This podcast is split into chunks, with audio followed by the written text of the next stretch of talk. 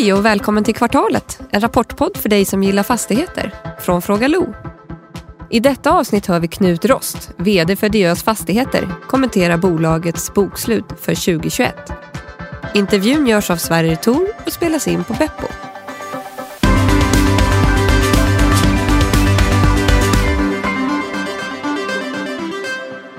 Hej och välkommen till ännu ett nytt avsnitt av Kvartalet. Hej Knut Rost!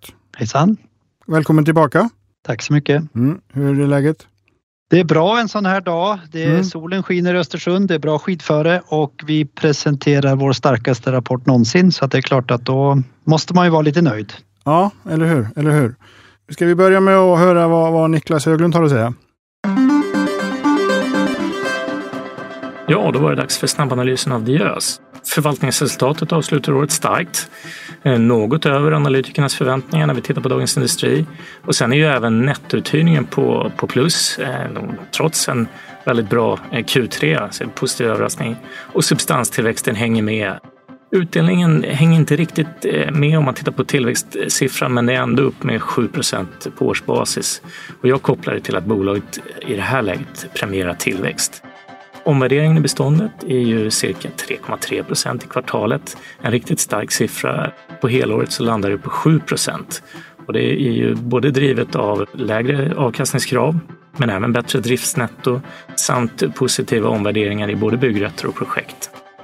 Substansvärdet fortsätter med en stark utveckling då, eh, drivet av både kassaflöde och omvärdering i beståndet och eh, är upp med hela 27 procent jämfört med förra året. Och det fortsätter att motivera bolagets premievärdering Eh, som i dagsläget ligger kvar på cirka 7 procent, ungefär den nivån vi såg efter Q3. Men då ska man också komma ihåg att bolaget har stärkt sin finansiella kapacitet under det fjärde kvartalet och gjort en nyemission på 800 miljoner och den gjordes faktiskt till 25 procents premie mot Q3 NAV. Så att riktigt bra timing och det sänker bolagets finansiella risk Även om marknaden fortsatt vill att bolaget ska växa såklart, eh, givet den lilla premievärdering vi har idag. Den låga räntekostnaden är ju drivet av en lite kort kapitalbindning och även eh, räntebindning. Och det skapar en till viss del osäkerhet kring, kring tillväxt i kassaflödet framåt. Men det är klart att det är också en, från en väldigt låg bas. Så att eh, det starka kassaflödet som de har skulle definitivt kunna hantera lite stigande räntor. Tittar vi på värdedrivarna framåt eh, som lockar är de goda förutsättningarna för tillväxt för deras olika marknader och bolaget lyfter ju fram en hög transaktionsaktivitet och något lägre yielder samt att faktiskt även handelssegmentet attraherar investerare här i början på året. Det är någonting som skulle kunna vara en, en krydda in i första halvåret definitivt och en bra signal kring riskaptit i deras marknader. Som jag sagt förut så är kombinationen av högre direktavkastning och högre tillväxtpotential någonting som skapar mersmak i aktien och underbygger helt klart deras starka position i dagsläget. Tack för det Niklas. Och eh, Knut, du säger den starkaste rapporten ni någonsin har gjort och den ser ju onekligen väldigt bra ut. Eh, skulle du vilja sammanfatta den snabbt? Utvecklingen utifrån kassaflöde och så vidare är väl eh, lite bättre än förväntat tror jag de flesta tycker. Men det vi får med oss nu på ett annat sätt eh, tycker jag, det är ju värdeutvecklingen. Riktigt så Uh, har det inte varit förut, men det är så nu och kommer att vara så framåt.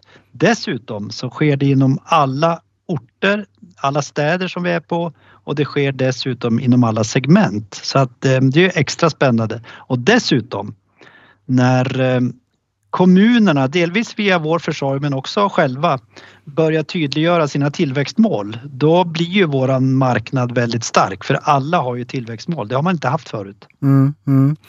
Och är det en, eh, du säger det delvis genom er försorg, men är det, är det här liksom en, en funktion av eller ett, ett utfall av att norra Sverige har ju blivit, ja det är ju ingen som pratar om, pratar om att norra Sverige är på, på på dekis längre. Mm. Är det liksom en, en, en, anledning till att kommunerna har tagit fram tillväxtplaner? Att man ser att det finns, det finns en framtidstro igen?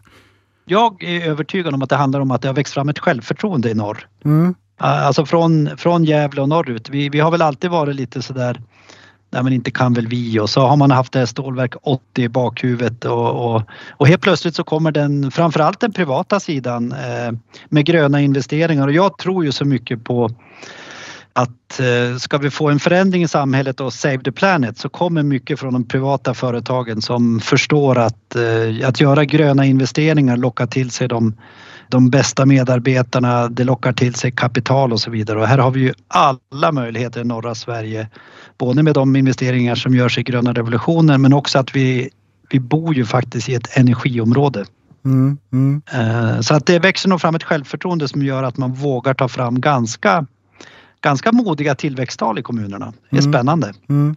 Ni har väl kunnat skratta hela vägen till banken där uppe i norr när vi andra har behövt ta ut från banken för att betala elen? Ja, sen beror det ju... Ja, det där var ju, nu sa du det roligt, men nej, vi, vi jobbar ju väldigt hårt måste jag säga eh, för att det ska bli så att, att bara vara på en eller vara på en het marknad och inte vara aktiv, då händer ju ingenting utan jag måste säga att vi har fått en jäkla snurr i bolaget vad gäller aktivitet. Det gäller både uthyrning, det gäller våra projekt och så vidare så att det, mm, nej, det, det känns bra. Mm, mm. Om vi fortsätter lite på det här spåret med, med norra Sverige, att det går bra, för det är ju ändå det, är ändå det som är i, i slutändan, det är det som, som driver er affär. Eh, det pratas ju om eh, tusen miljarder som behöver investeras i regionen.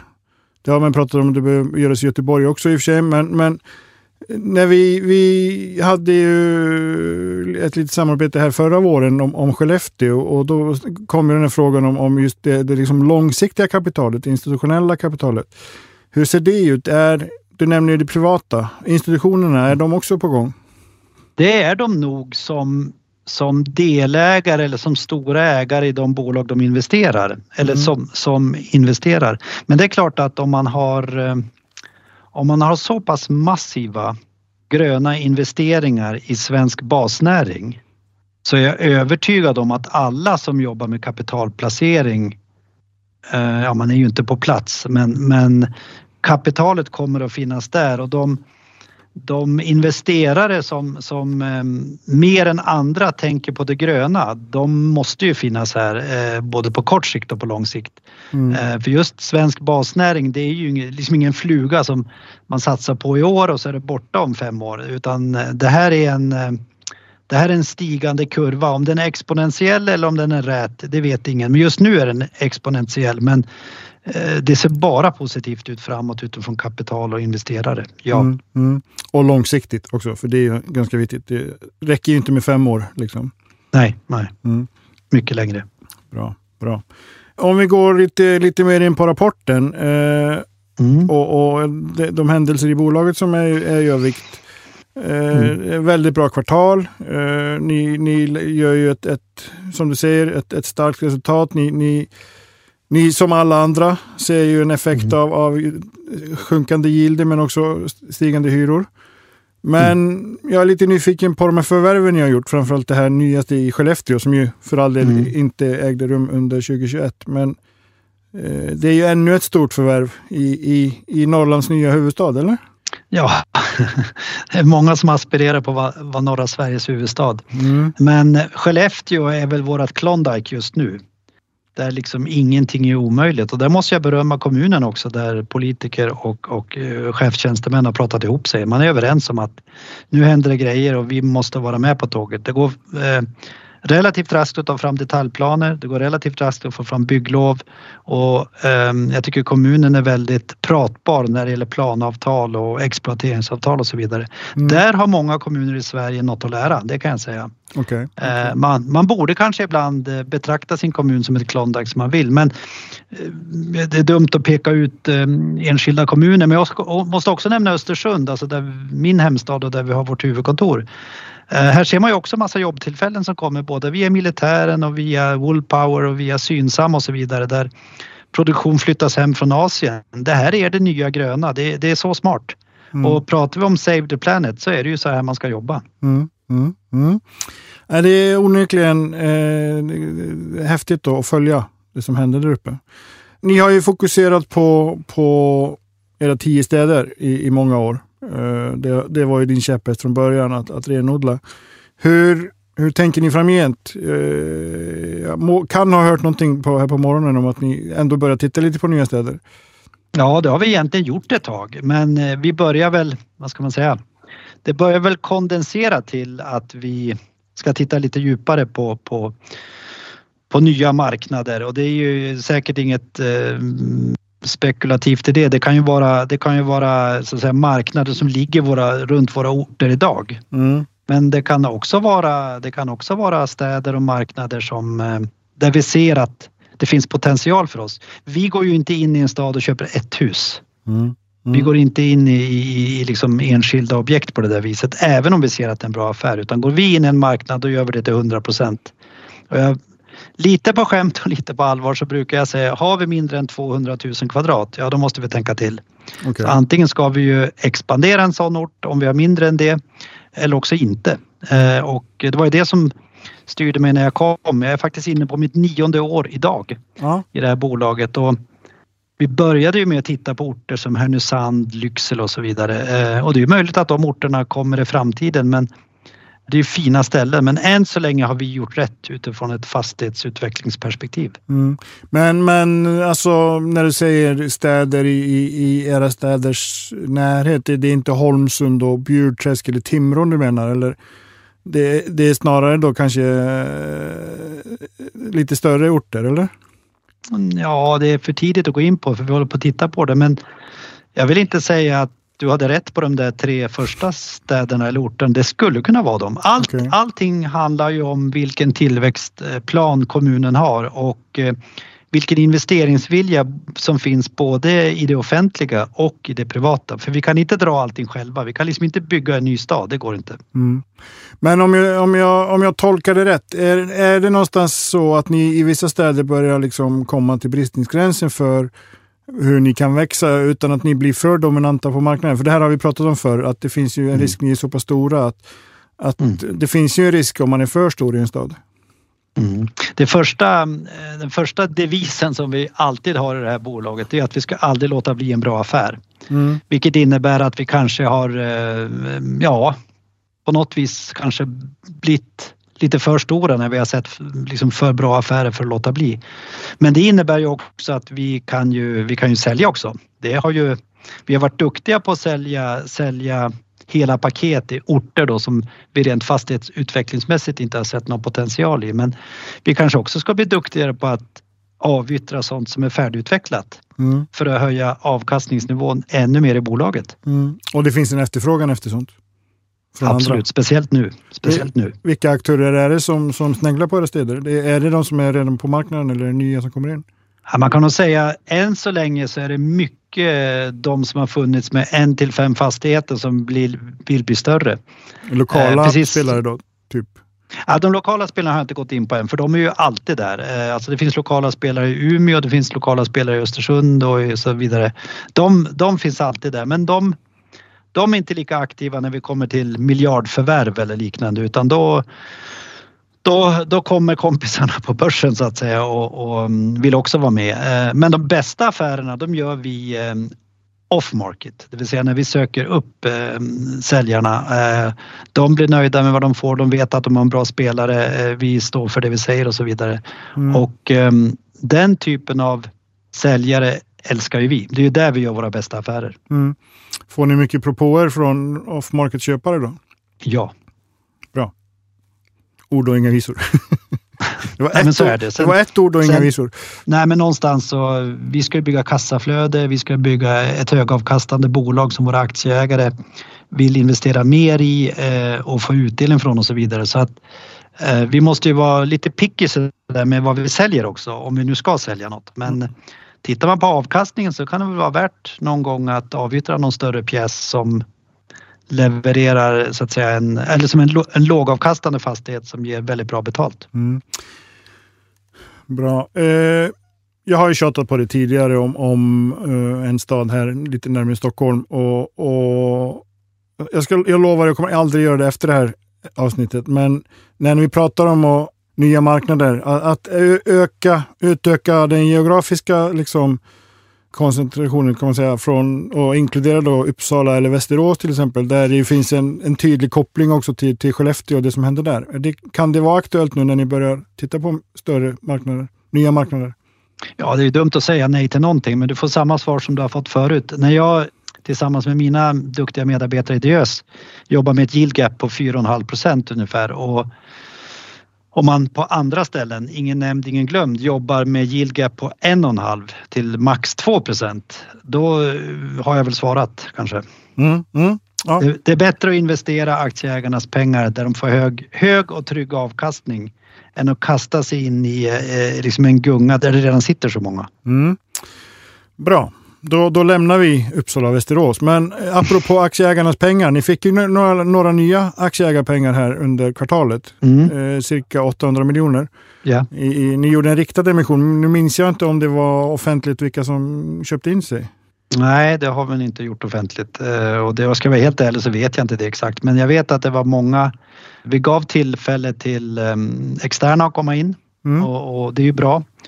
Uh, och dessutom så var det några utav de större ägarna som också gick in och den uh, lite tur och kanske lite skicklighet från Rolf och gänget. Det var ju perfekt timing på den emissionen och den var ju övertecknad så det var ju jättekul. Man är ju alltid lite nervös när man gör sånt där för det är ju, ja, det är ju liksom på något vis ett betyg på vilken finansiell position ett bolag har. Mm. Och tack och bock, det gick över förväntan. Och det var ju precis innan börsen dök också, om jag minns, inte minns helt fel. Som jag sa, ibland är det tur, ibland är det skicklighet.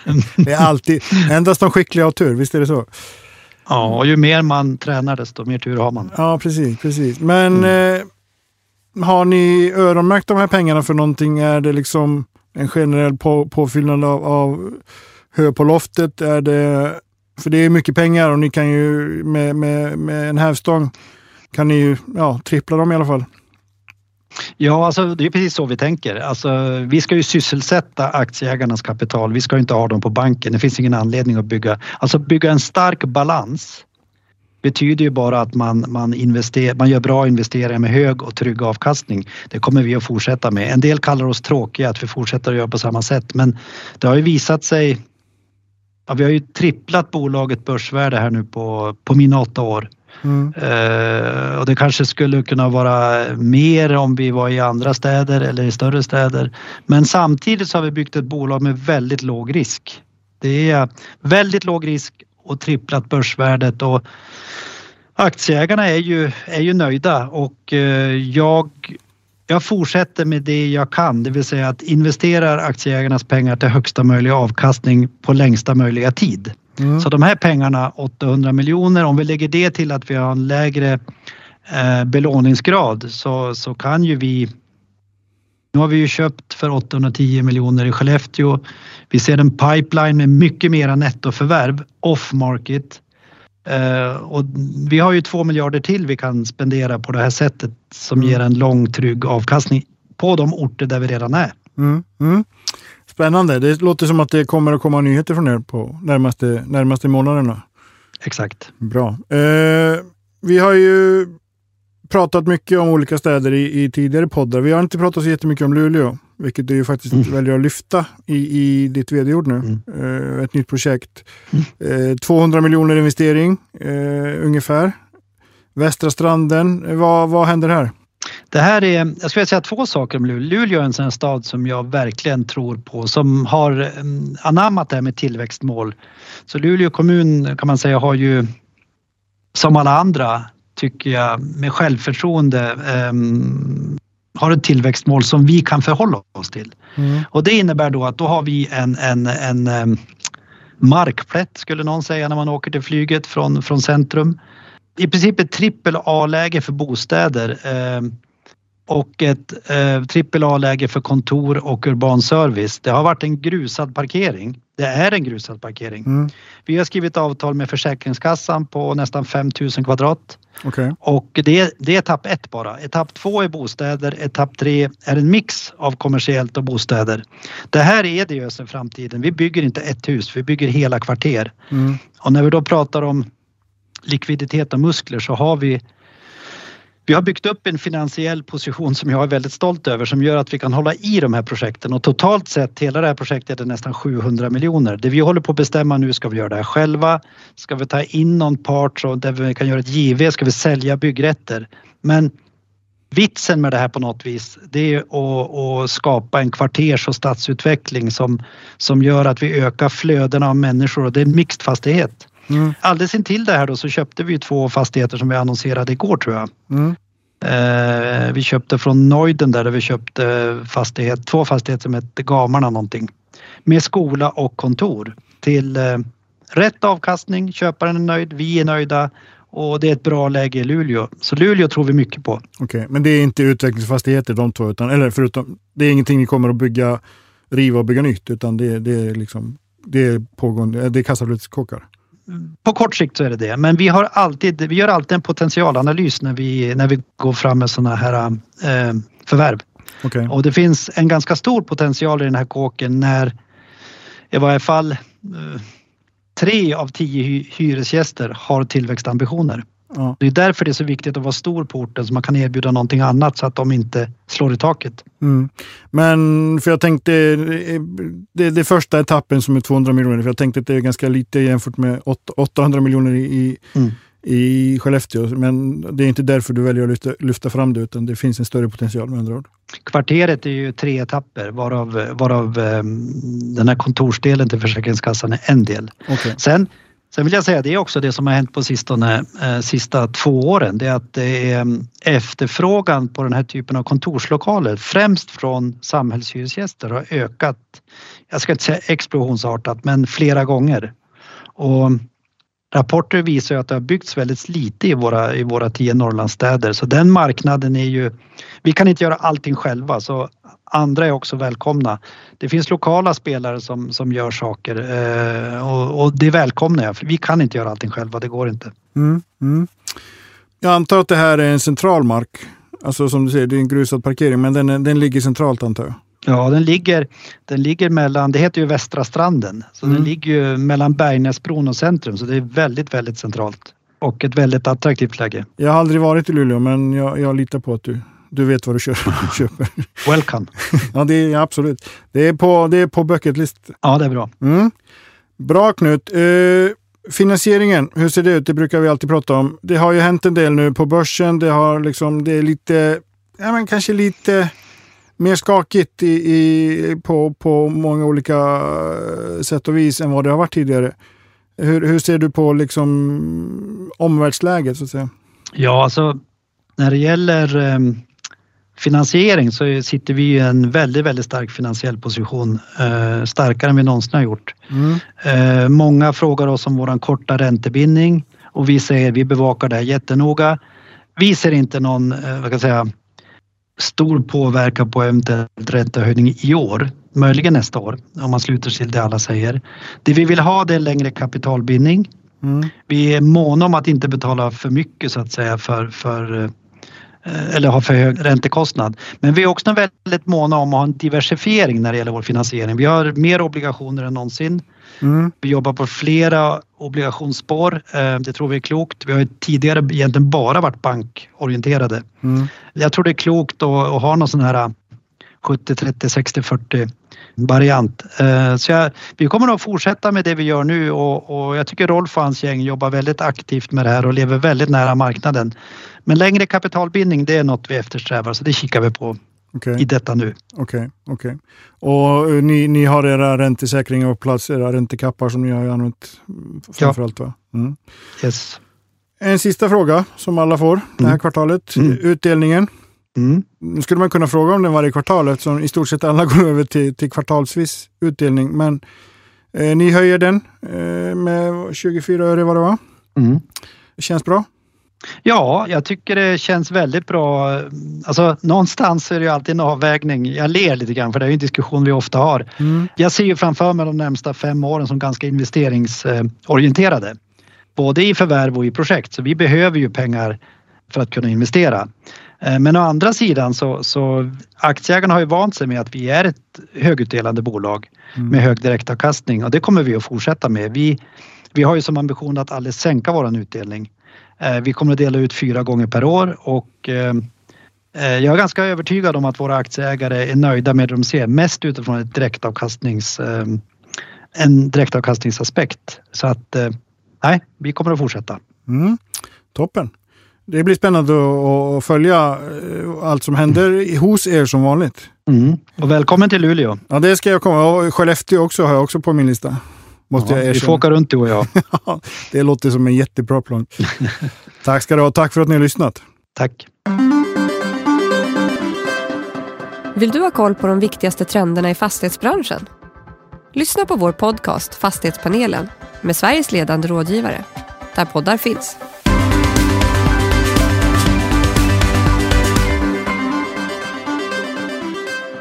Det här programmet görs på Beppo. Beppo.